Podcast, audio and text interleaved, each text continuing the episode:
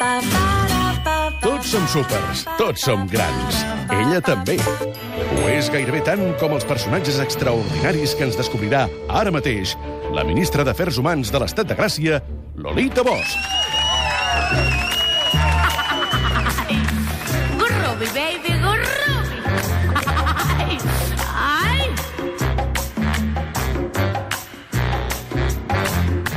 Gurrubi, Lolita, com estàs? Hola.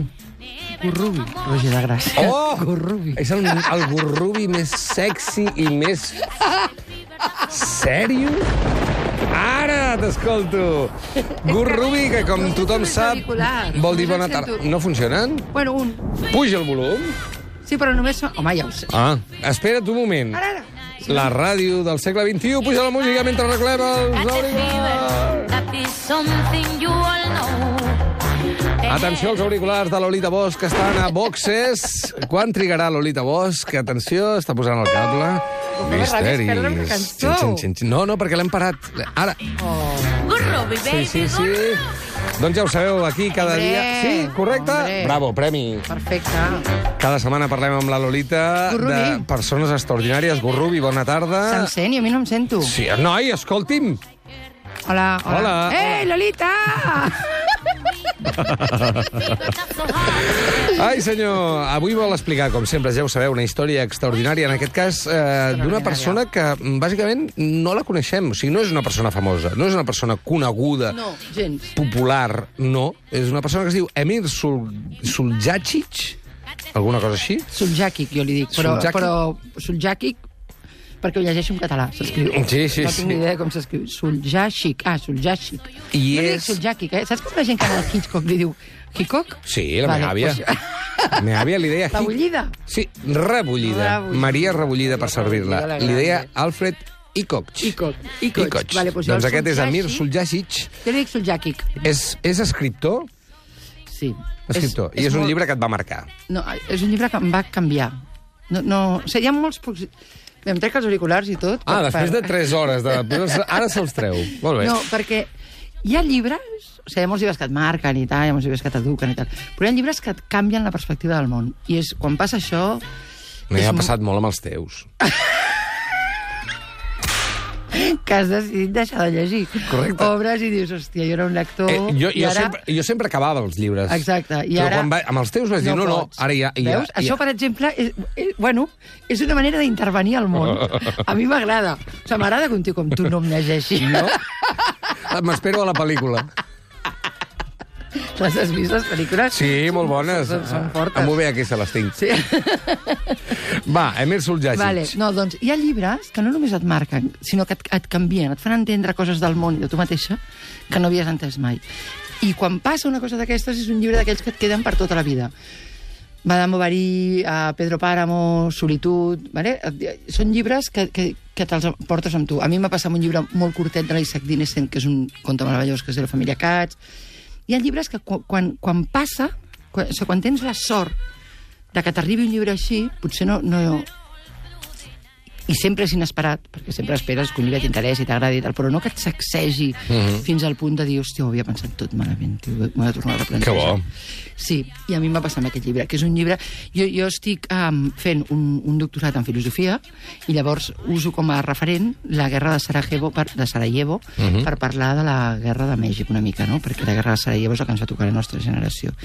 I aleshores he, he, he llegit he agafat llibres de, de, de tots els bàndols, diguéssim, i tots n'hi han molt ben, molt ben escrits, de bosnis, de serbis, de croates... Però res que jo hagi llegit sobre la guerra, potser, entre parèntesis, l'Alexa... La, la,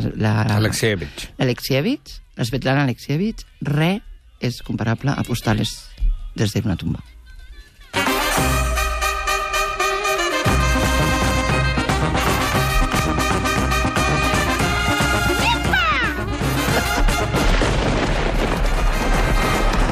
Ballar, a mi m'agrada molt ballar. Ja, ja ho notem. Una canción de amor en la cabeza. Emir Suljacic, un escriptor Suljacic, absolutament extraordinari, dius tu, Extraordinari. eh? Extraordinari, de veritat. I a més és un tio que jo crec que no, no, no pretenia ser escriptor. Ara potser Ara està, viu, viu als Estats Units exiliat, eh, treballa en una universitat, tinc anglès, i, i és probable que allà escrigui, però jo no li he llegit mai més res. Però és un tio que quan, quan tenia 17 anys i els serbis van començar allò que en deien la neteja ètnica, principalment contra els musulmans, que és una guerra que nosaltres ens va tocar molt de prop. Jo és la primera vegada a la meva vida que he decidit que volia anar amb una guerra a ajudar. Uh -huh. Després, curiosament, m'ha passat més vegades, però allà va ser, recordo, sentar-me amb un nòvio que tenia i dir, mira, anem-hi, no? Uh -huh. I, I tal, com.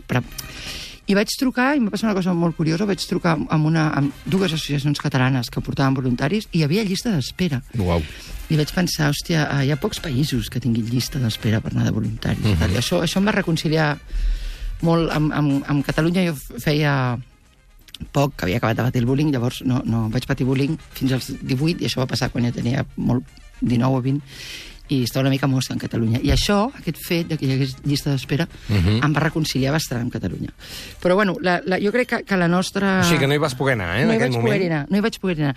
El, el que era el meu nòvio en aquell moment venia de la guerra del Salvador. Uh. -huh. Llavors ho tenia com molt a dintre, i m'havia parlat molt de la guerra, jo l'havia estudiat molt, uh, sempre és un tema que m'ha interessat molt, la, la meva àvia en va viure una, la, la, uh, sempre he estudiat la Segona Guerra Mundial, tal. Sempre m'han interessat molt i, i volia anar-hi perquè vaig pensar que, que en algun moment n'hauria d'haver alguna tot i que m'hagués estimat més que no n'hi hagués cap. Sí, sí, evidentment, evidentment. Um, Després hi vas poder anar, però...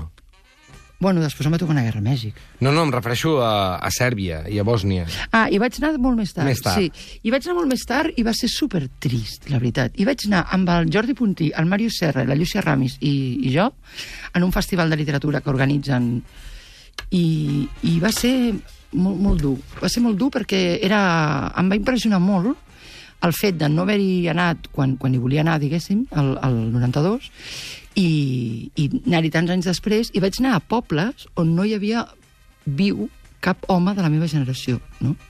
A mi això em va impressionar moltíssim. O sigui, que la meva generació hagués patit una guerra, jo és la- a Europa, diguéssim, que, que ho, ho encaixes diferent, perquè no, és que històricament s'assemblin molt a nosaltres, però, però actualment s'assemblen molt a nosaltres. No? Ells tenen més religions, era un poble molt més obert, diguéssim, però, però actualment és un poble molt, molt semblant al nostre.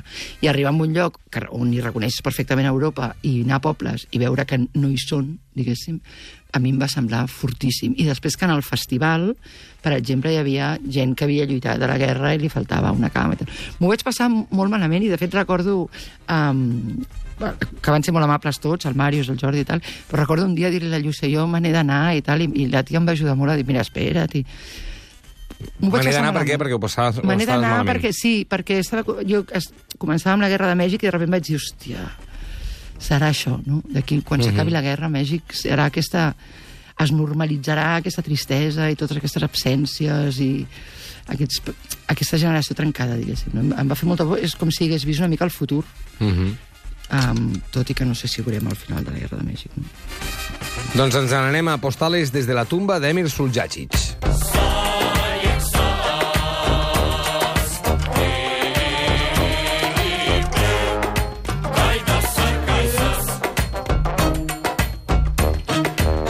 La massacre de Srebrenica, 11 de juliol de 1995, van morir assassinats com a mínim 8.000 homes bosnians, des d'adolescents fins a ancians a mans de serbis i sota el comandament de Mladic i seguint les ordres polítiques de Karadzic. Sí. Nacions Unides havien declarat prèviament Srebrenica àrea segura, imagina. Sí, ho havien, ho havien fet, eh, això es fa a les guerres, que es, es, eh, hi ha una zona que està com alliberada, diguéssim, que, que és una zona de protecció, i, i Srebrenica era un lloc de protecció, hi havia 400 eh, soldats holandesos armats que figurava que protegien a la, a la, a la, a la població que aconseguia arribar-hi, tot i el setge i la falta d'aliments i, i la falta de comunicació i la falta de notícies exteriors i tal, però bueno, Srebrenica semblava una, una, una, un, una zona més resguardada, diguéssim. No sé si es diu resguardada. Ah, no Resguardada en català eh? no... Si és aquelles Però coses, bueno, eh? ho pilleu, no? Vale. També va morir molts nens. Arrasarada? Ah, Arrasarada després, diguéssim. Arrasarada... Bueno, no ho sé, és igual. um, En tot cas, en tot cas, Ah. aquí, enmig de tot això, Sí. l'Emir, on el trobem? I què fa? L'Emir va ser una del, un dels pocs homes que va aconseguir sobreviure a la, a la massacre de, de Srebrenica. Perquè l'Emir l'Emir tenia 17 anys i parlava anglès, i aleshores es va fer traductor, no? i es va oferir els, els cascs blaus, que, que van ser molt famosos en la guerra, Mhm. de traductor. I, i bueno, es, es calcula que van morir 8.000 homes, tot i que el, el, el govern, que després és un dels pocs governs on nosaltres hem trobat que hi ha un ministeri de desaparicions. Nosaltres, quan vam començar a treballar contra la guerra de Mèxic, vam anar a parlar amb el govern, perquè tenien un ministeri de desaparicions, que això ho hauria de fer nosaltres, que som el segon país amb Sí. més fosses comunes després Mm. de Cambodja, diguéssim. Bueno, nosaltres, ells. A, Espanya, diguéssim, Sí, no? sí, sí, sí. Uh, Iugoslàvia té, té l'ex Iugoslàvia va fer un ministeri i va intentar identificar a tots, tots, tots i totes, totes, totes les mortes de la guerra, que és molt bèstia. Tot i així, molts no s'han pogut reconèixer, però uh, la Comissió Federal de Persones Desaparegudes eh, ha aconseguit posar noms i cognoms a 8.373 persones assassinades a Srebrenica entre els quals hi ha homes, nens, ancians, nenes, senyores grans, etc. Però bàsicament són homes, va ser, va ser una cosa molt, molt, molt bèstia. Va ser l'assassinat massiu més gran a Europa des de la Segona Guerra Mundial i és el primer, el primer cas eh, que es considera legalment establert, diguéssim, com un genocidi a tota la història d'Europa. És el, el, el primer genocidi que reconeix el, la, el penal internacional el, El Tribunal Penal el Tribunal Penal Internacional. Internacional de l'antiga Mhm. Iugoslàvia, i va manifestar en el seu judici, després de fer, us, us, us ho cito, Pro, uh, procurant eliminar una part dels musulmans bosnians, les forces sèrbies bosnianes cometeren un genocidi. Aspiraven a l'extinció dels 40.000 musulmans bosnians que vivien a Srebrenica, un grup que era emblemàtic dels musulmans bosnians en general. Despullaven tots els presos musulmans, mascles, militars i civils, ancians i joves, de les seves pertinences personals i d'ident- i d'identificació, i deliberadament i metòdicament els mataven només sobre la base de la seva identitat. I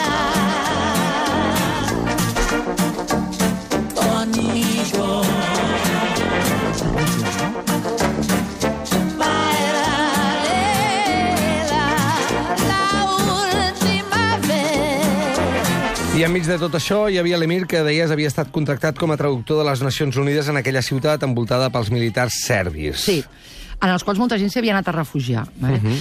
Aleshores, eh, en, en el, el nom d'aquesta localitat, durant la guerra, diguéssim, no, no, era, no, no, no, no va sortir molt als diaris. Va sortir quan gairebé va ser... que La, la, la, la massacre va ser gairebé al final de la guerra. I Subjaki, que com a periodista s'havia especialitzat en crims de guerra i havia seguit la pista durant anys dels principals responsables d'aquells crims, va sobreviure encara que la majoria dels seus familiars van ser assassinats.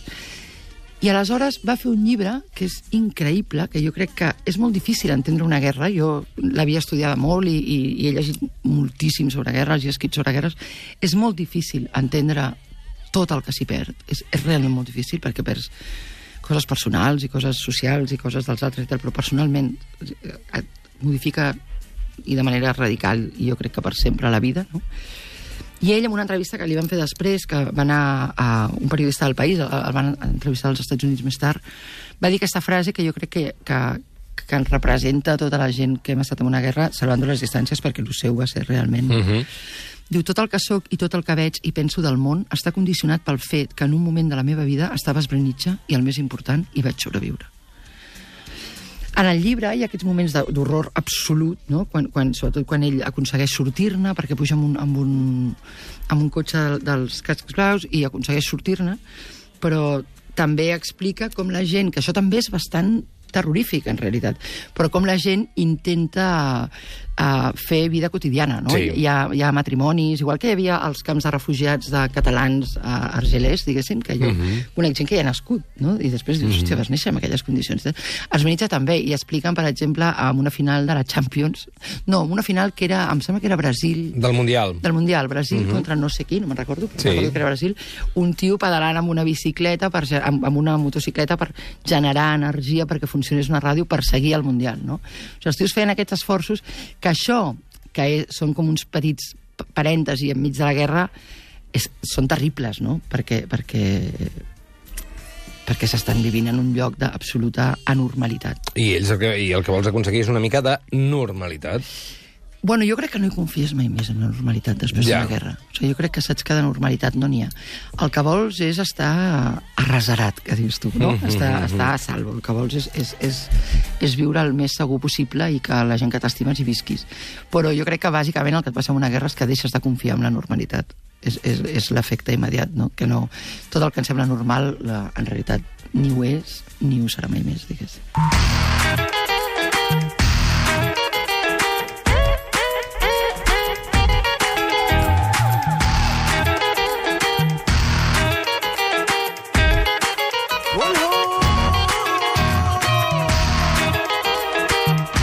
El llibre d'Emil Suljagic és, és, és una crònica periodística o està novel·lada? Bueno, no, és una crònica periodística, el que passa és que jo crec que...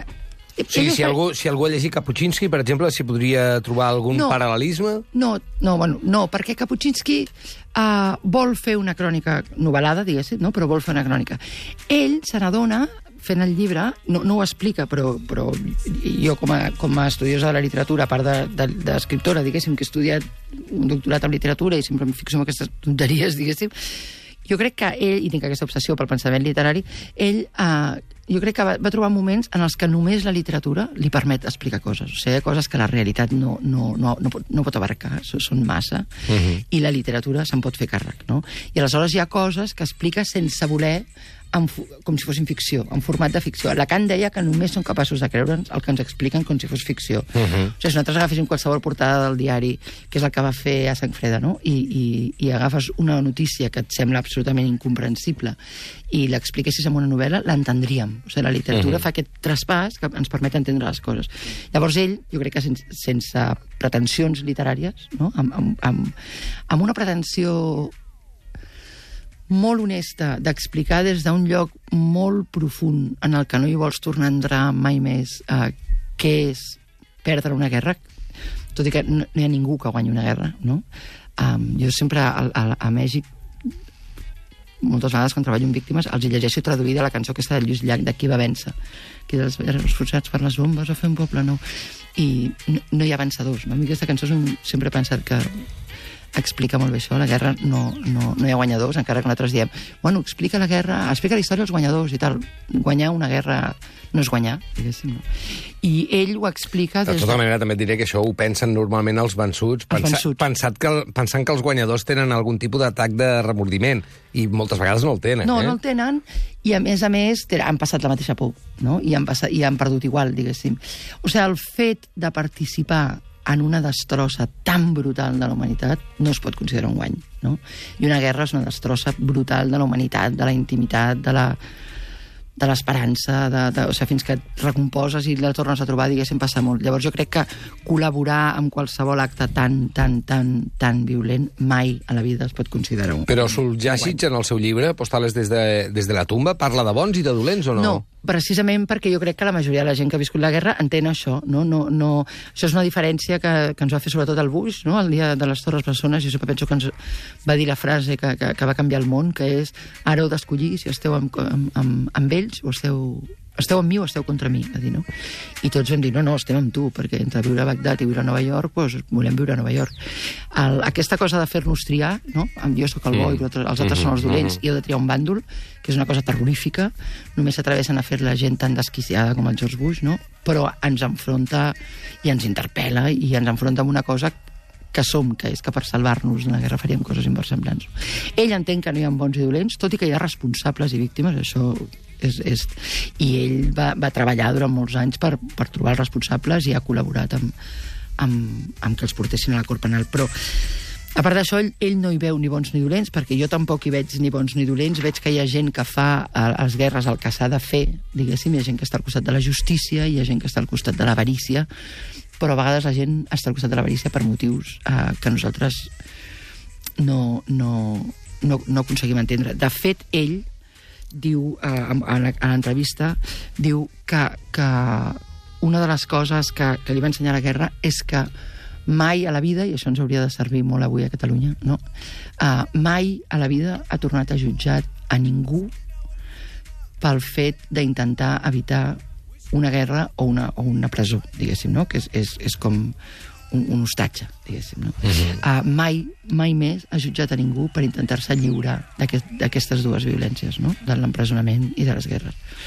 I diu a l'entrevista um, que, que, que és aquesta lucidesa. Jo, jo que havia estudiat la, la Segona Guerra Mundial, recordo entrevistes que vaig llegir amb gent que havia sortit del camp d'Auschwitz i que els hi deien, bueno, esto s'ha acabat...